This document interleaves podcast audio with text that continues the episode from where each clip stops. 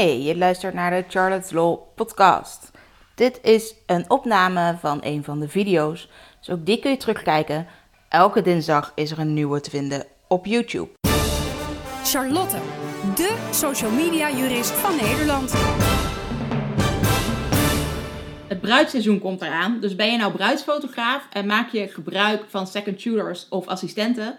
Blijf vooral even kijken, want dan ga je uitleggen welke afspraken je moet maken met je second shooter of met je assistent. Nou, mooi is natuurlijk als je gebruik maakt, vooral van een second shooter, dat iemand ook foto's komt maken voor de opdracht die jij hebt afgesproken met een bruidspaar.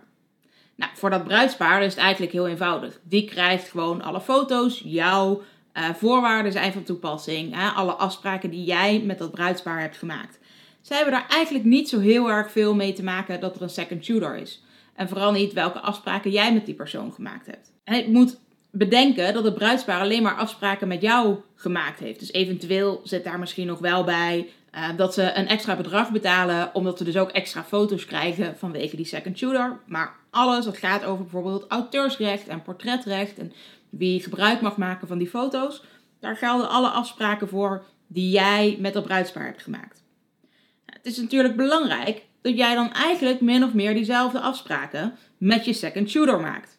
Want de foto's die de second shooter levert aan jou, die moeten ook weer op, aan het bruidspaar geleverd kunnen worden, zoals jij dat met dat bruidspaar hebt afgesproken. Dan heb je natuurlijk ook dat je met die second shooter af moet spreken wat er überhaupt tussen jullie van belang is. Levert de second shooter alleen maar RAW bestanden aan, die jij vervolgens nog mag bewerken in je eigen stijl, of hè, dus ook moet bewerken. Wie maakt nou de selectie van de foto's? Mag de second shooter zelf wel een selectie aanleveren? Of is het juist de bedoeling dat alles wordt aangeleverd zodat jij nog de selectie kunt maken? In hoeverre mag de second shooter nou nog zelf gebruik maken van die foto's? En sterker nog, misschien moet daar dan wel bijgezet worden dat deze foto's als second shooter gemaakt worden. Dat kun je allemaal afspreken. Sommige mensen, sommige fotografen vinden het heel fijn als ze gebruik maken van een second shooter om gewoon zelf het volledige auteursrecht te krijgen over die foto's. Nou, een misverstand is dat als je eenmaal foto's hebt bewerkt, dat je daar dan auteursrecht op zou hebben. Eventueel op die bewerking, maar hè, eenvoudige bewerkingen, nou, die zijn eigenlijk al niet creatief genoeg om daar echt een eigen auteursrecht op te krijgen. Dus dat betekent dat eigenlijk dat auteursrecht altijd van je second shooter blijft. Wil je dus het auteursrecht krijgen op die foto's, dat kan best, dan moet er even een zogenaamde akte van overdracht gemaakt worden. Dat is eigenlijk gewoon een documentje uh, waarop staat welke foto's er van wie naar wie worden overgedragen, datum, handtekening daarbij, dat soort zaken. Dat kun je eigenlijk zo kort of zo uitgebreid maken als je wil. En je kunt er nog van alles inzetten over aansprakelijkheid, mocht er in de tussentijd wat fout gaan, uh, dat soort zaken. Het is vooral ook belangrijk is om af te spreken wat de second shooter met de foto's mag. Stel dat jij in je algemene voorwaarden hebt opgenomen dat de foto's alleen maar door jou gebruikt zullen worden voor je eigen portfolio.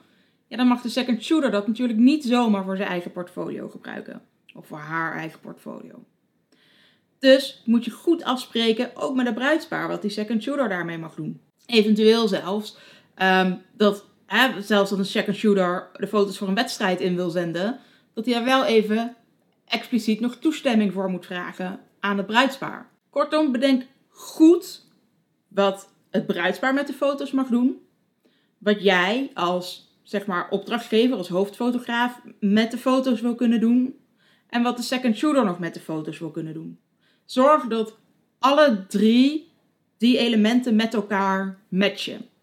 En zet dat dan vervolgens op papier, zodat je duidelijke afspraken maakt met de second shooter. Want hè, die komt over het algemeen ook niet gratis fotograferen. Of als ze dat wel komen doen, of voor een heel laag bedrag dat komen doen, willen ze natuurlijk wel die foto's ook zelf kunnen gebruiken voor een portfolio. Heb je nou vragen over hoe je zo'n overeenkomst goed in elkaar kunt zetten? Eh, of heb je daar misschien hulp bij nodig? Bel of mail ons dan vooral. Dan helpen we je daar graag bij.